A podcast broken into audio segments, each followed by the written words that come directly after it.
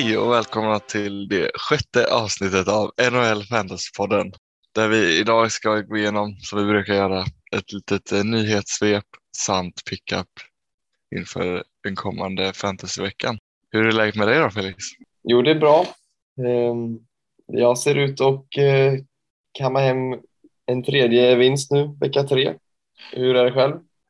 Jo men det är bra, jag gör också det. Det har varit en eh, komfortabel vecka, verkligen. Så det är skönt att eh, gå upp eh, 3-0.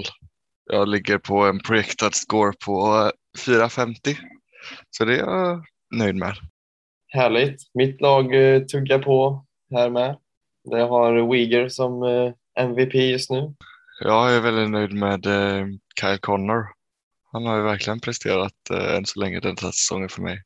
7 Mm. plus 7, tredje rankad totalt. Det känns bra.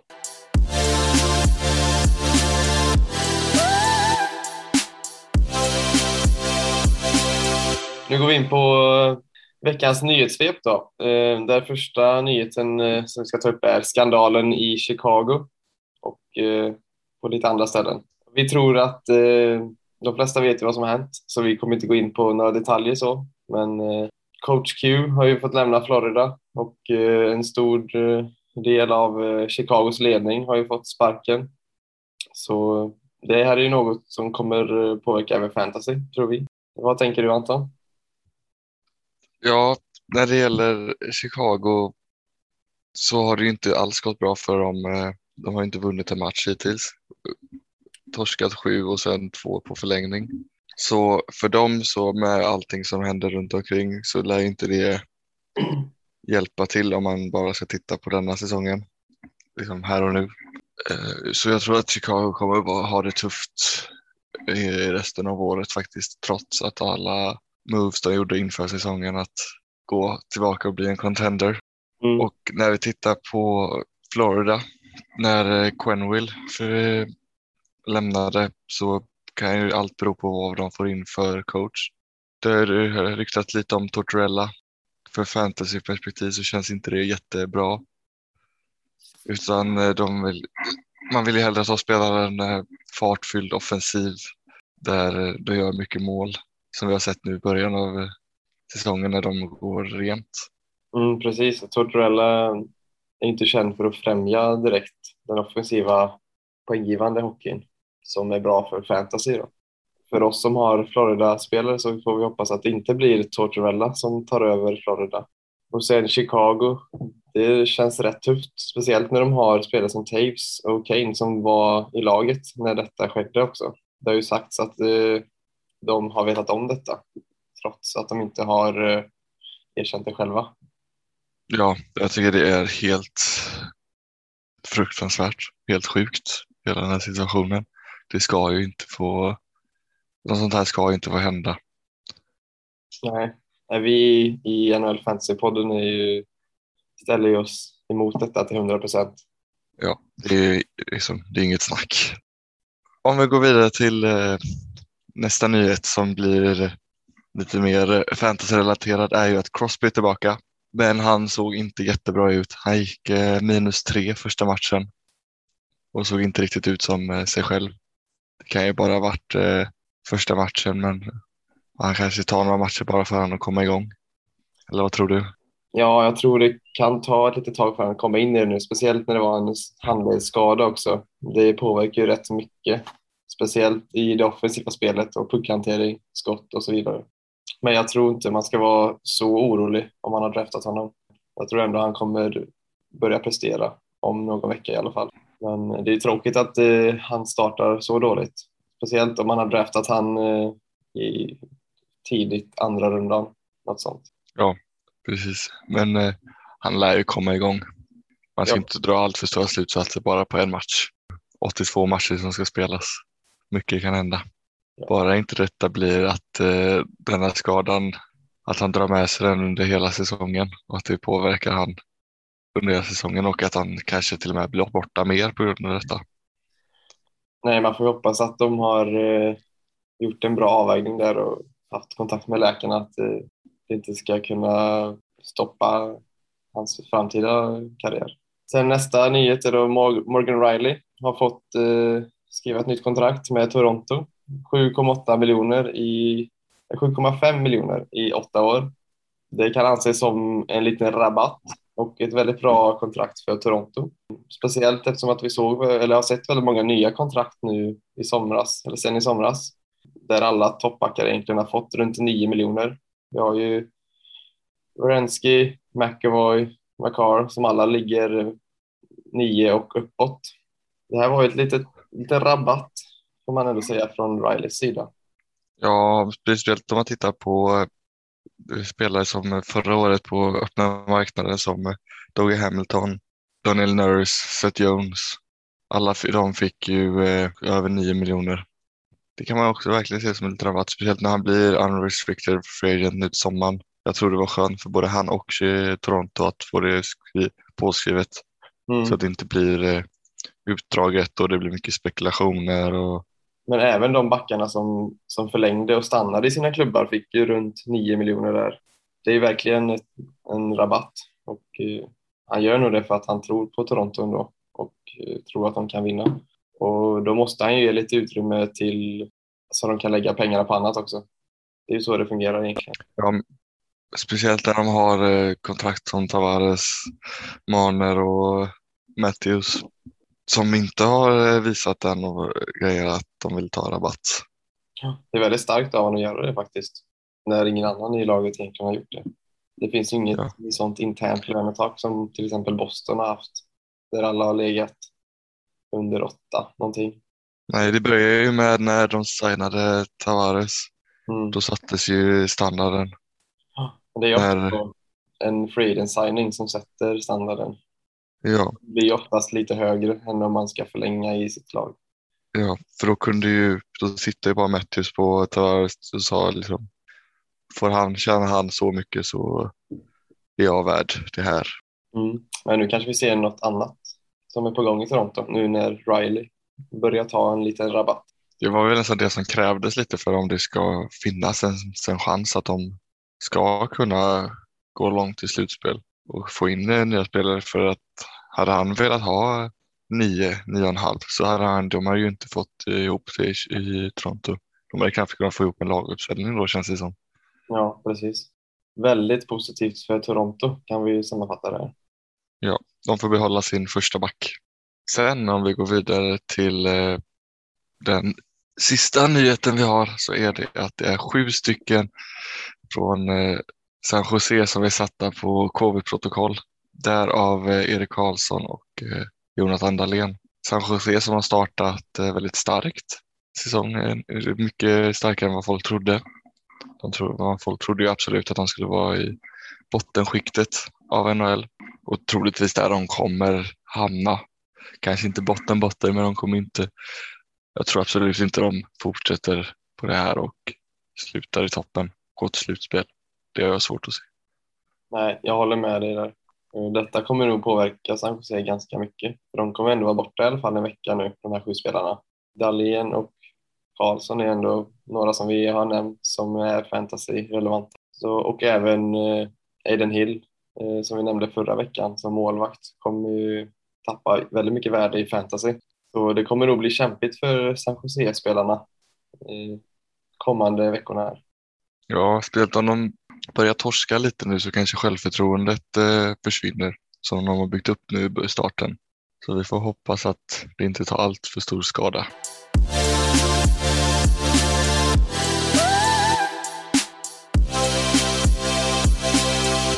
Så om vi går in på pickups att göra inför vecka fyra eller under vecka fyra fantasy så börjar vi med eh, Brennan Tanev som är 52 procent rostered. Gjorde tre mål i veckan. Totalt har han gjort eh, sex mål och är rankad 22 totalt. De eh, har rätt, rätt lätt eh, spelschema Seattle när de möter Edmonton, Buffalo och Arizona nästa vecka. Problemet med Tanev är ju att han spelar ju varken topp 6 eller PP så han får ju inte de här extra chanserna som eh, powerplay-spelarna får till att göra poäng. Utan han är mer av en eh, boxplay-spelare. Så han, så han får inte så mycket spel. Han ligger runt mellan 10 och eh, 14 minuter per match och har trots det kunnat eh, prestera väldigt bra. Han tacklas ju och skjuter och eh, så gör han ju lite extra fantasypoäng i det aspekten. Så jag tror att han är någon man kan ta upp inför nästa vecka och försöka rida lite på den vågen som han har just nu när han känner sig het. Ja, man får nog passa på nu när han är het, för det känns ju orimligt att han ska fortsätta när han inte spelar så mycket och inte får topp 6 och de PP-minuterna i Seattle. Är det dags att ta in han i powerplay kanske? Om man ändå har eh, producerat eh, så. Ja, kanske. Jag ser inte riktigt som en powerplay-spelare. Nej. Eh, inte som en bra playmaker eller sniper direkt egentligen.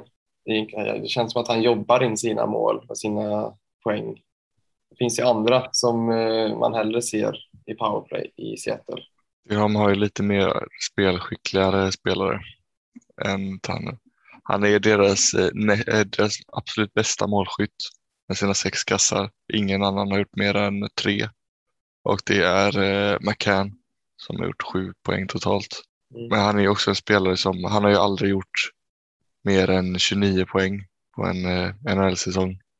Förra året gjorde han 16 i Pittsburgh. Så att han ska ha, ligga strax under point per game är ju väldigt, väldigt osannolikt. Speciellt så som du sa utan de powerplay-minuterna eller topp 6-minuterna. Eh, ja, precis. Men han kommer nog ändå kunna höja sig från sina tidigare säsonger i alla fall. Det har man ju sett med till exempel Vegas när William Karlsson kom dit. När man kommer till ett nytt lag och blir bortplockad egentligen. Att spelare kan höja sig i de här nystartade franchisen.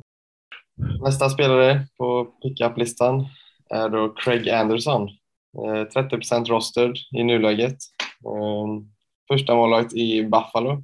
Det kanske inte är jättesexigt, men eh, han är het just nu och eller egentligen Buffalo är heta just nu. Så han har samlat på sig vinster, eh, räddat ungefär 35 skott per match och eh, han ger ju egentligen minst 10 poäng per match även vid förlust om han eh, fortsätter med detta snittet. Och eh, sen så har de ett väldigt bra schema nästa vecka med fyra matcher som är mot LA, San Jose, Seattle och Detroit. Så han kommer antagligen knipa någon eller några vinster nästa vecka. Och eh, fortsätter han med den räddningsprocenten så är han en väldigt bra pickup-spelare och streama skulle jag säga. Vad känner du inför Craig? Ja, men jag tycker också att det. Eh, har han en liten grön bock så tycker jag att man kan ta upp och streama. För så som du sa att han får många skott mot sig. och Han har gjort det väldigt bra. Eh, så att man får de här extra poängen. Så även ifall inte man får vinsten. Mm. Nu har ju dock Buffalo spelat det, eh, haft en rätt bra start. Bättre än vad folk trodde. Så att om de kan hålla i det någon, någon vecka till så ska man absolut kunna passa på att samla lite poäng. Något att tänka på är att han kanske inte är värd att eh, behålla eller tänka långsiktigt med. Det tror jag verkligen inte. Men kommande veckan eh, så ser han väldigt intressant ut tycker jag. Sen får man ta lite vecka för vecka hur det går för Buffalo egentligen. Det skulle kunna rasa redan nästa vecka. Det vet man ju inte. Nej, man får hålla lite koll där så att man ser hur det går för dem. Om vi går vidare till eh, en, eh, nästa Buffalo-spelare som är eh, Viktor Olofsson som avslutade denna veckan med 2 plus 2 och så länge som Buffalo går bra så är han intressant då han är deras första val som forward. Och eh, de har ju också, som du sa tidigare med Craig, att de har ett eh, bra schema. Han är ju bara 31 procent eh, roster så han finns troligtvis tillgänglig i de flesta ligor jag känner lite samma som Craig Anderson här. Så länge Buffalo går bra så tror jag det kan vara värt att streama Olofsson. Han är ju ändå första powerplay och första, första line. Och han har ju visat att han kan vara en riktig sniper. Och det är ju väldigt bra i fantasy göra mål. Sen nästa spelare eh, är Josh Norris, 47 procent rostered. Eh, han gjorde också fyra poäng på två matcher förra veckan han är första center och eh, första powerplay i Ottawa. och spelar då med en Brady Kachak som har varit ganska het nu när han eh, har kommit tillbaka eh, efter sitt nya kontrakt. Och schemat är då Chicago, Minnesota, Vegas och Tampa Bay för Ottawa nästa vecka. Så i början på veckan så han, skulle han vara väldigt värd att eh, få in som streamingspelare skulle jag säga. Men eh, han är ganska högt rostered så han kanske är upptagen i en del ligor. Men eh, det får man ju gå in och titta. Vår sista pickup-spelare som vi har är eh, Tyler Pitlick. Som är bara inte är rostered av någon procent alls. Så han borde finnas ledig i alla ligor. Han eh, ger poäng trots att han inte gör mål assist. Han skjuter, blockar skott och tacklas. Han är väldigt eh, involverad i spelet. Han spelar i en andra line med eh, Backlund och Coleman som också varit rätt heta nu den senaste tiden. Mm. Och han är ju både left och right wing, vilket är drömmen när man tittar på en streamingspelare. Förra veckan så levererade han över 10 poäng trots att han inte gjorde några poäng alls. Så han är väldigt bra att ha som ett säkert kort. Man vet vad man får av honom. Lite så som eh, med eh, till exempel Gudas på backen. Hans schema, eller Calories schema, är Nashville, Dallas och New York Rangers. Det är ju inte det lättaste schemat, men inte heller det svåraste, tycker jag. Bara han inte går massa minus så kommer han ju ge fantasypoäng. Ja. Och eh, Calgary har ju varit eh, väldigt heta nu på senaste också. Det hjälper ju också att Markström har ju stängt igen kassen tre gånger i senaste veckorna här. Och det hjälper ju till eh, för Pitlicks plus minus statistik.